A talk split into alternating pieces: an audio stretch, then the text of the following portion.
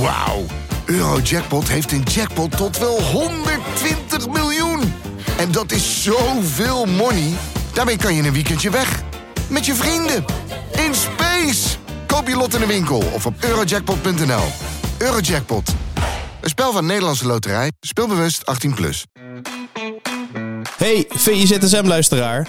Wil jij genieten van de beste VI Pro-artikelen, video's en podcasts? En wil jij nog meer inzichten krijgen rond al het voetbalnieuws? Word dan nu lid van VI Pro.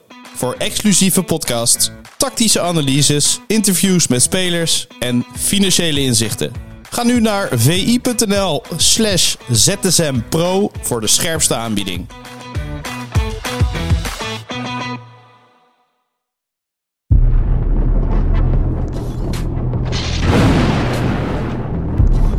Goedemorgen en welkom bij een nieuwe aflevering van VIZSM, de dagelijkse podcast van Voetbal International, waarin we jullie meenemen in het allerlaatste nieuws. Mijn naam is Jarno Vrij en ik zit zoals iedere maandag aan tafel met Pieter Zwart. Pieter, goedemorgen. Goedemorgen Jarno. Ja, wat een weekend en we kunnen toch wel stellen, dit is de week van Peter Bos.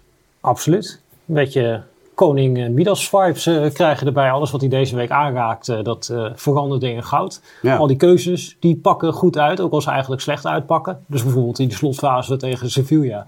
Daar zei hij zelf ook al van, ja, ik had al spijt van die wissel, dat hij Van Adelt en Peppi erin bracht. want hij vond dat hij controle eigenlijk verloor. Alleen ja. dan komt Peppi toch even de winnende goal binnen.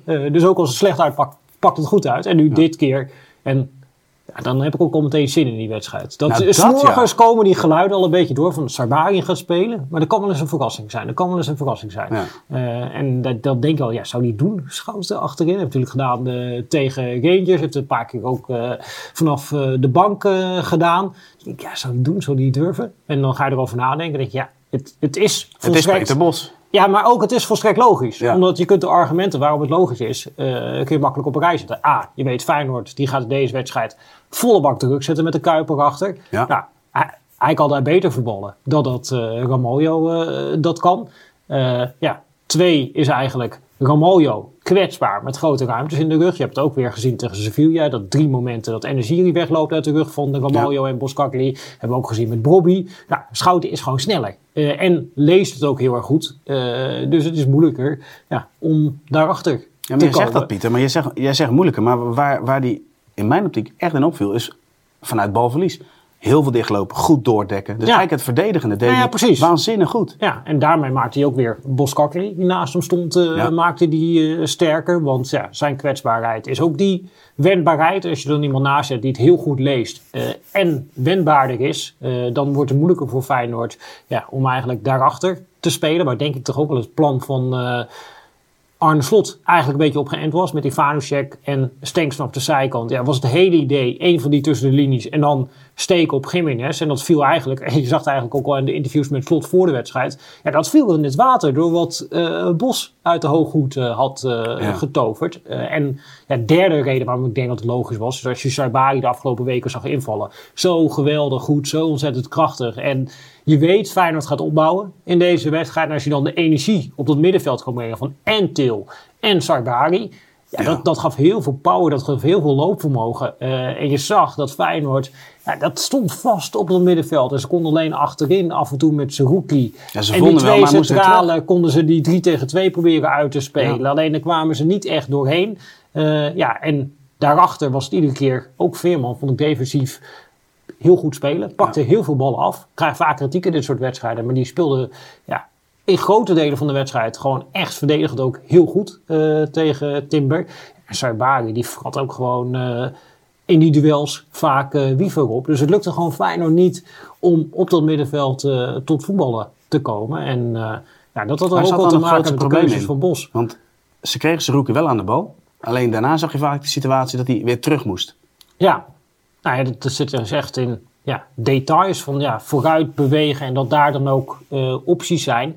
Eh, en ik denk dat Feyenoord het zichzelf moeilijk heeft gemaakt. Eh, doordat met de manier waarop ze speelden, krijg je al heel snel een beetje dat trechter-effect. Dat Ja. op een gegeven moment heel veel door het midden gaat. Want zelfs Geertruiden beweegt ook nog veel naar het midden. En je zag dat PSV dan met name met de linkerkant. Dus Vertessen deed dat heel veel. Die speelde heel veel aan de binnenkant. En soms aan de binnenkant bij Geertruida. Maar die heb ik ook op sommige momenten in één keer Stenk zien dekken, Wiever zien dekken. Uh, dus die zorgde eigenlijk dat je daar niet heel makkelijk een vrije middenvelder uh, kon krijgen. En aan die andere kant werd vanuit die rechtsback omdat ze denk ik ook wat minder dreiging vermoeden van een overlap uh, op links. Werd eigenlijk door die rechtsback doorgedekt naar een middenveld op de momenten dat dat nodig was. Ja. En ja, die combinatie maakte dat Feyenoord gewoon ja, daarachter. Dus je hebt daar 3 tegen 2.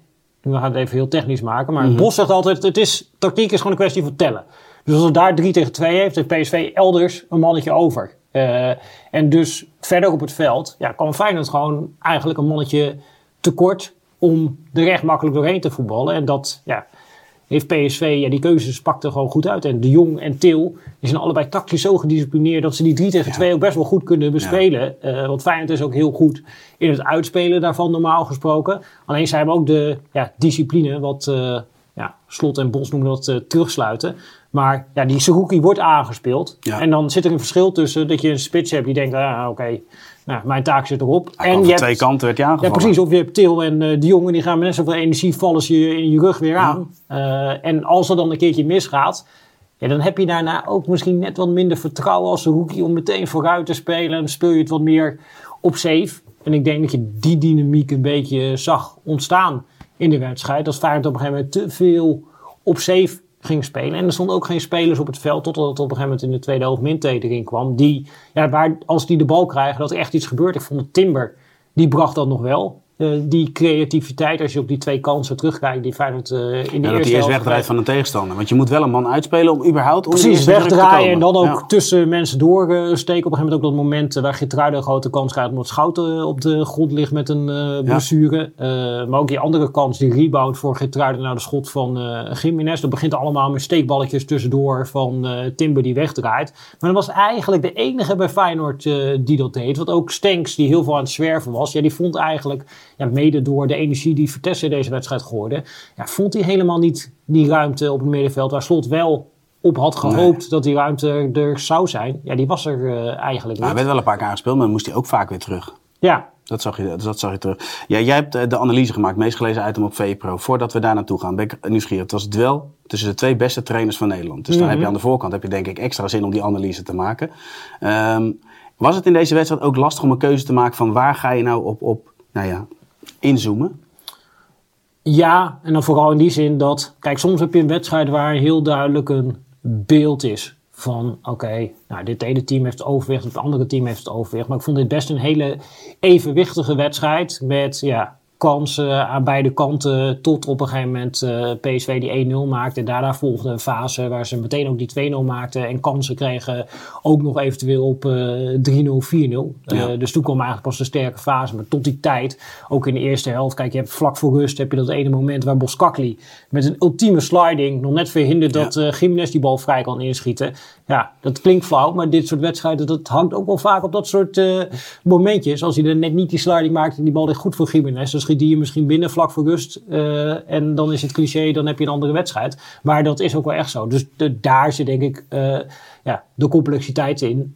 Ja. Maar dan moet je eigenlijk het van beide kanten beschrijven. En het was ook eigenlijk van beide kanten dat het heel erg op elkaar leek. Ja, ja manier, dus de manier de van manier druk van zetten. druk zetten, Ja, zeg maar, met Timber en Jiménez. Maar ook de manier waarop ze er onderuit wilden spelen. Beide teams ja, speelden grotendeels eigenlijk met punt naar achteren. En dan was het bij uh, PSV Veerman die daar stond. En bij Feyenoord was het uh, Seruki. En dan die 3 tegen 2 proberen uit te spelen. Ja, dat was ja, heel erg vergelijkbaar. En het grootste verschil zat erin dat je bij PSV uh, ja, echt zijkanten had. Uh, en zijkant ook Ja. met dreiging. En dat maakt denk ik uiteindelijk ook. Uh, Maar was het veld bij het verschil. PSV in balbezit ook niet net iets groter dan bij Feyenoord? Ik vond het bij Feyenoord redelijk compact. Ja, en je hebt ook die diepgang erachter. Want bij Feyenoord had je natuurlijk alleen maar in principe de diepgang voor Jiménez. Uh, en wat ik zei, door de keuze voor Schouten werd dat eigenlijk geëlimineerd door uh, PSV. Dat, Hoe gek het ook klinkt, maar ik snap wat je bedoelt. ja, omdat ja, die, hij kan minder goed uh, koppen in zijn eigen 16 verdedigen dan Ramoyo. Maar met veel ruimte in de rug is hij beter dan dat Ja. dat is. Uh, en ja, ze had natuurlijk wel met Vertessen, die continu erachter loopt. Uh, en Bakayoko, die er ook steeds meer uh, gaat, doet, gaat doen. En die ook het veld wat breder kunnen houden. Ja. Ja, rek je toch wat meer op dan bij Feyenoord. Waar je heel snel ja, die trechter eigenlijk inging. En die trechter werd ja, best wel goed dichtgezet door PSV. Dat nu ook weer in deze wedstrijd. En dat vind ik ook wel leuk aan het seizoen van PSV. Want het gaat ook bij PSV heel vaak over ja, getest. Ik vind dat PSV al op een heleboel verschillende manieren dit seizoen getest is. Dus dat was ook weer natuurlijk nou, tegen Sevilla is dan 2-0 achter tegen 10 man. Ja, dat draaien ze om. Maar natuurlijk ook geen vanzelfsprekend eigenlijk. Zo'n nee. ervaren ploeg dat je even zo'n overtal uh, uitspeelt. Tegen Ajax was ze zo'n eerste helft worden weggetikt. Uh, tweede helft op een andere manier gaan druk zetten en de volle bak uh, overheen denderen. Nou ja, tegen Twente waar ze zo'n beginfase controleren. Ja, en nu te, bijvoorbeeld tegen Land vond ik ook een heel goed voorbeeld. Die wedstrijd die ze thuis winnen, die ze ook moesten winnen. Waar ze eigenlijk alleen maar een lange bal gespeeld hebben op Luc de Jong. Ja. over de druk. Uh, ze hebben meerdere manieren om tot kansen te komen en tot succes te komen. En nu heb je eigenlijk een wedstrijd waarin ze 40% balbezit hebben ongeveer. Maar dan toch in staat zijn ja, om druk naar voren te houden voortdurend. En het ook dus ja, defensief dicht te houden. En Feyenoord, ook al had Feyenoord heel veel de bal, grotendeels weg te houden in de 16. Want de balcontacten in de 16, ook al had Feyenoord veel meer balbezit. En dat was redelijk gelijkwaardig. Mm -hmm. waarbij de meeste balcontacten van Feyenoord in de 16 ook nog waren in die slotfase. Waar PSV op een gegeven moment ervoor koos van Ramaljo erin. En we gaan maar gewoon deze wedstrijd uh, over de streep uh, trekken. Ja. En alleen nog maar lange ballen hanteren met Walter Benitez. Maar dan zie je ook weer ja, tijdens de wedstrijd dat PSV ja, schakelt naar een andere manier van spelen. En dat er dan weer meer richting de omschakeling gaat. En daar zit heel veel variatie in. en als je dat dan afzet ten opzichte van Feyenoord is dat toch eendimensionaler. En ik denk dat Slot het ook nog extra in de hand heeft gewerkt met de manier waarop hij zijn opstelling gemaakt heeft. Ja, de enige dan manier... op Minte? Had hij dat, het verschil in kunnen maken bijvoorbeeld? Nou ja, bijvoorbeeld. Kijk, Pacquiao is natuurlijk uit vorm. Uh, maar je had ook bij wijze van spreken voor een uh, Sauer kunnen kiezen. Maar dat je in ieder geval aan een zijkant uh, iets van dreiging in de diepte en in de breedte hebt. Kijk, nu de enige manier waarop je deze wedstrijd ging winnen was dat je eigenlijk vanaf je keeper helemaal tot in de vijandelijke 16 uh, combineert. En maar ook bijvoorbeeld, uh, zij spelen met Schouten achterin. Nou, Schouten, dat hebben we net gehad, positioneel ruimte in de rug, hartstikke goed. Waar Schouten kwetsbaar in is, dat bleek bijvoorbeeld in die wedstrijd tegen Vitesse, is lange ballen ja. spelen. Ja, je hebt Feyenoord ongeveer praktisch geen lange bal uh, zien geven. Ja, dat, dat zijn dan dingen. Nou, dat vind ik dat PSV Het lijkt wel een soort verboden paas. Ja, precies. En dat is in sommige gevallen logisch, want het heeft Feyenoord ook heel veel gebracht, uh, deze manier van spelen. Uh, alleen, ja, tot nu toe blijkt wel dat het heel erg ja, eendimensionaal is. En als het niet op deze manier lukt, dan is het enige wat ze nog hebben, is op een gegeven moment, uh, ja, wat ze dan powerplay noemen in de slotfase. We gooien er maar heel veel aanvallers in en we hopen dat het balletje goed valt. Ja. Alleen binnen wedstrijden ja, is die variatie beperkt. En dan kun je heel goed positiespel spelen. Maar als dat positiespel ja, niet heel veel kansen oplevert. en die kansen worden dan niet afgemaakt. Dus in dit geval ja, had in de eerste helft, waar we het over hadden. twee momenten met Getruiden. Dat ene moment met Jiménez, met je sliding van Boskakli. Ja, één van die bal had er ook ingekund. Hadden we misschien ook anders gezeten. Hadden we er ook anders over mhm. gesproken. Alleen dat was wel. Ja, je noemt, wel veel, je noemt heel veel zaken op, Pieter. En, en los van dat moment met, met wel of niet Jiménez, dat, dat Boskakli hem raakt of niet Los van uh, de veelzijdigheid van PSV, het plan van PSV, het plan van Feyenoord. Uh, nogmaals, uh, we kunnen er van alles van vinden, maar Slot is iemand die alles op basis van argumenten doet. Dus mm -hmm. achter alles zit een idee. Maar kunnen we wel de simpele conclusie trekken op basis van wat je nu allemaal zegt, dat het duel tussen de twee beste trainers, los van de score, deze keer duidelijk in het voordeel van Bos uitvalt? Duidelijk niet, maar ik wel in het voordeel van Bos. Uh, en juist om zeg maar, datgene waar Bos altijd om bekritiseerd is. Dat ja. de kritiek op aanvallend Bos denken. is inderdaad uh, aanvallend denken, maar ook een gebrek aan ja, flexibiliteit. Heeft hij een plan B, weet je wel? Als hij een wedstrijd verliest, krijg je altijd dezelfde uh, clichématige kritiek. Het is naïef, er is geen plan B en het is te aanvallend. hij redeneert anders. Hij denkt, ja, ze zijn dan niet comfortabel met de zet die hij doet. Ja, en hij, hem werd ook gevraagd, maar hij denkt ook oprecht niet op die manier. Uh, van ja, is dat niet een risico? Nou, hij zegt ook, ja, het is geen risico. Het is een risico als wij tegen Feyenoord alleen maar in onze eigen 16 gaan staan uh, en alleen maar gaan verdedigen, dan gaan we verliezen van Feyenoord. We moeten ook aan voetballen toekomen. We moeten ook met ruimte de rug kunnen verdedigen. En dat kan ik beter doen met Schouten uh, dan met Ramoyo. En hij legt ook iedere keer uit als, ja, is keuze voor voetbal, keuze voor voetbal. alleen, het is wel omdat hij denkt dat dat de beste manier is om de wedstrijd te winnen. Maar je ziet hem ook dus in de tweede helft 2-0 voor, eh, krijgen kansen op meer. Ja, misschien had de oude Peter Bos op dat moment ook wel gedacht van... Oh ja, Cruyffiaans denken, we gooien bij wijze van spreken nog een aanvaller eh, extra in uh, en we gaan van die ruimte profiteren. En nu kiest hij toch op een gegeven moment voor, oké, okay, Ramaljo erin, uh, Schouten ervoor, het was een noodgedwongen dat Veerman eraf moest. alleen, ja, je kunt Veerman ook op een andere manier vervangen. En hij kiest toch wel duidelijk, oké, okay, Ramaljo erin en we gaan wel meer vanuit lange bal, tweede bal spelen. En we trekken op die manier ja, een wedstrijd over de streep. en ja, dat, dat, dat, is toch ook wel een ja, veelzijdigheid. Uh, ja, die hem vaak verweten is dat hij dat niet heeft, die flexibiliteit van geest. Maar wat hij nu toch bij PSV. Ja, ik heb net een heleboel voorbeelden genoemd van wedstrijden waarin je dat uh, hebt ja. teruggezien. ja, en dat komt er iedere keer komt er toch wel op een ja, hele goede manier uit. Net zoals bijvoorbeeld de wissel Tilman erin. Ja, dat zeg ik, dat koning, koning Midas effect. Ook dat pakt weer perfect uit. Hij vertelde het ook op de persconferentie na afloop dat hij uh, ja, dat viel mij ook wel op in die eerste helft. Ik heb het geloof ik ook op Twitter gezet. Van die Vertessen, als je die bezig zag. En je weet ook wat voor type speler het is. Meer een sprinter dan een, uh, ja, een, een dure. Het is echt iemand uh, die er zoveel energie in smijt. Dat je denkt, ja, kan hij niet volhouden. Zei Bos ook van, ja, ik zag al het laatste kwartier van de eerste helft. Die is eigenlijk totaal los. En Bos zei, ja, dan weet je dat hij een kwartier na rust, heeft hij even rust gehad. dan gaat het nog wel. Maar hij had al meteen tegen Tilman gezegd, jij gaat zo erin vallen. Uh, en jij moet aan de kant gaan kijken. Wat gebeurt er op die flank uh, bij Feyenoord? Uh, en dan kom je erin en heb je alvast je erop ingesteld. Dus eigenlijk ja, imagineren van, komt er dan straks Regeren is vooruitzien. Ja, en hij had blijkbaar de pirouette van uh, Luciel Gertruida had hij geïmagineerd. en die doorzag hij en daar komt dan dat eerste doelpunt ja. uit. Ja, en natuurlijk die, die spelervatting, wat toch ook wel opvalt bij PSV. Dat dat onderdeel, dat ze daarin echt ten opzichte van alle andere teams de Eredivisie superieur zijn. Hebben we laatst over gehad op 2 Pro natuurlijk. Hebben we laatst inderdaad over gehad. En de verdiensten zijn uh, voor uh, Abe Knoop. Daar, daar, bemoeit Peter Bos zich niet mee. Die heeft gezegd, Abe Knoop, de keeperstrainer, die heeft dat de vorige jaren met André Ooyer heel goed gedaan. Dus ik bemoei me er niet mee. En hun doelsaldo daaruit is 8-0. Als je dat bijvoorbeeld afzet ten opzichte van Feyenoord, is 6-3. Ja, uh, laatst hebben we ook Ajax gehad. Die zijn ja. ook niet heel gelukkig in de dodespelmomenten. Nee, dat klopt. En dan zie je toch, ja, dat maakt een enorm verschil. In deze wedstrijd is het ook weer het verschil uiteindelijk tussen een wedstrijd winnen en een wedstrijd verliezen. Dus ook, ook tegen Atletico uh, voor Feyenoord. Ja, krijgen ze ook weer twee tegen uit een uh, spelhervatting. Ik zag dat ze in dit hele kalenderjaar zijn ze geloof ik op een stuk of zes alleen al uit hoekschoppen. Wat ja, best een heel hoog aantal is. Ja, dus daar gaat bij Feyenoord ja, het een en ander niet goed. en dat gaat bij PSV ook defensief. Want ze hebben dus, we zijn 14 wedstrijden onderweg. En PSV heeft uit inworpen, vrije trappen en corners nog geen doelpunt tegen gekregen. Nee. Ja, dat is natuurlijk eigenlijk waanzinnig. Applaus voor Abe. Applaus voor Abe, ja. Precies. We gaan het niet over Ajax hebben, want uh, vanmiddag op VE Pro uh, het rondje Eredivisie waarin Ajax ook uitgebreid aan bod gaat komen. We gaan nog wel eventjes het meest gelezen item op VE.nl bespreken. Dat uh, heeft te maken met de overwinning van Barcelona op Atletico mm -hmm. Madrid. Uh, goal van João Felix. Ja. Maar vooral, en daar ben ik nieuwsgierig naar, hoe deed Frenkie de Jong het? Ja, Frenkie de Jong deed het prima.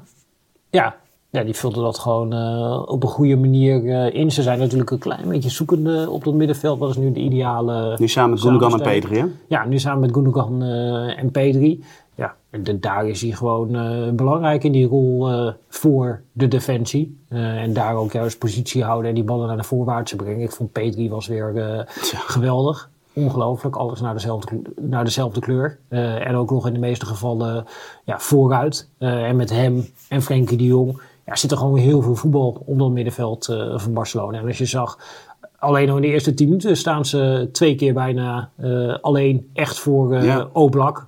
met echt goede combinaties. Ja, terwijl je weet hoe moeilijk het is om tegen Atletico tot kans te komen. En ook dat doelpunt dat ze maken. Dat is een geweldige combinatie van achteruit, uh, om de druk van uh, Atletico ja. heen, de tussendoor spelen, Rafinha en Felix. Uh, en bijna zeldzaam momenten zulke grote ruimtes bij Atletico komen. Ja, en dan ook nog dat wippetje, dat is zo ja. lekker. Dat, ja. ja. dat is gewoon een heerlijke, heerlijke goal. Dus ja, ik heb daar wel, ik heb er wel van genoten wat Barcelona op de mat legde in dit potje. Terwijl ze niet per se in de beste fase zitten op dit moment. Nee, absoluut niet. Maar goed, vanmiddag, tenminste vanmiddag, vanochtend half twaalf hebben we natuurlijk weer de VNC's met Matthijs Vechter en Suleiman Nuster. Daar gaan we het ook uitgebreid over Barcelona hebben. Dan wil de enige vraag aan Sully is dan, uh, ja, wanneer ging de wijn open? Was het al meteen met dat eerste balletje van P3 op Rafinha waar die uh, enorme kansen uitkwam? Daar, daar, ben ik ook benieuwd naar. Want we weten de P3-wet, als hij zit te smullen van P3, normaal gesproken met Gabi, die was er dan nu niet bij. En dan gaat die wijn open. Dus ik ben dan toch benieuwd, waar, waar lag dat criterium dat je denkt van ja, Er waren ook weer stand-uppertjes van Siert de Vos. Misschien heeft hij hem op dat moment al overgetrokken. Dat is natuurlijk ook wel een feest. Dat, dat kan natuurlijk ook. Maar ik denk, ik denk dat jij een punt hebt. Maar dat gaan we aan Sully vragen. Wanneer ging de wijn open? Ja. Die vraag gaan we stellen. Pieter, dankjewel. En jongens, jullie bedankt voor het kijken en voor het luisteren. En morgen zijn we uiteraard weer terug met een nieuwe aflevering van VI ZSM. Tot ziens.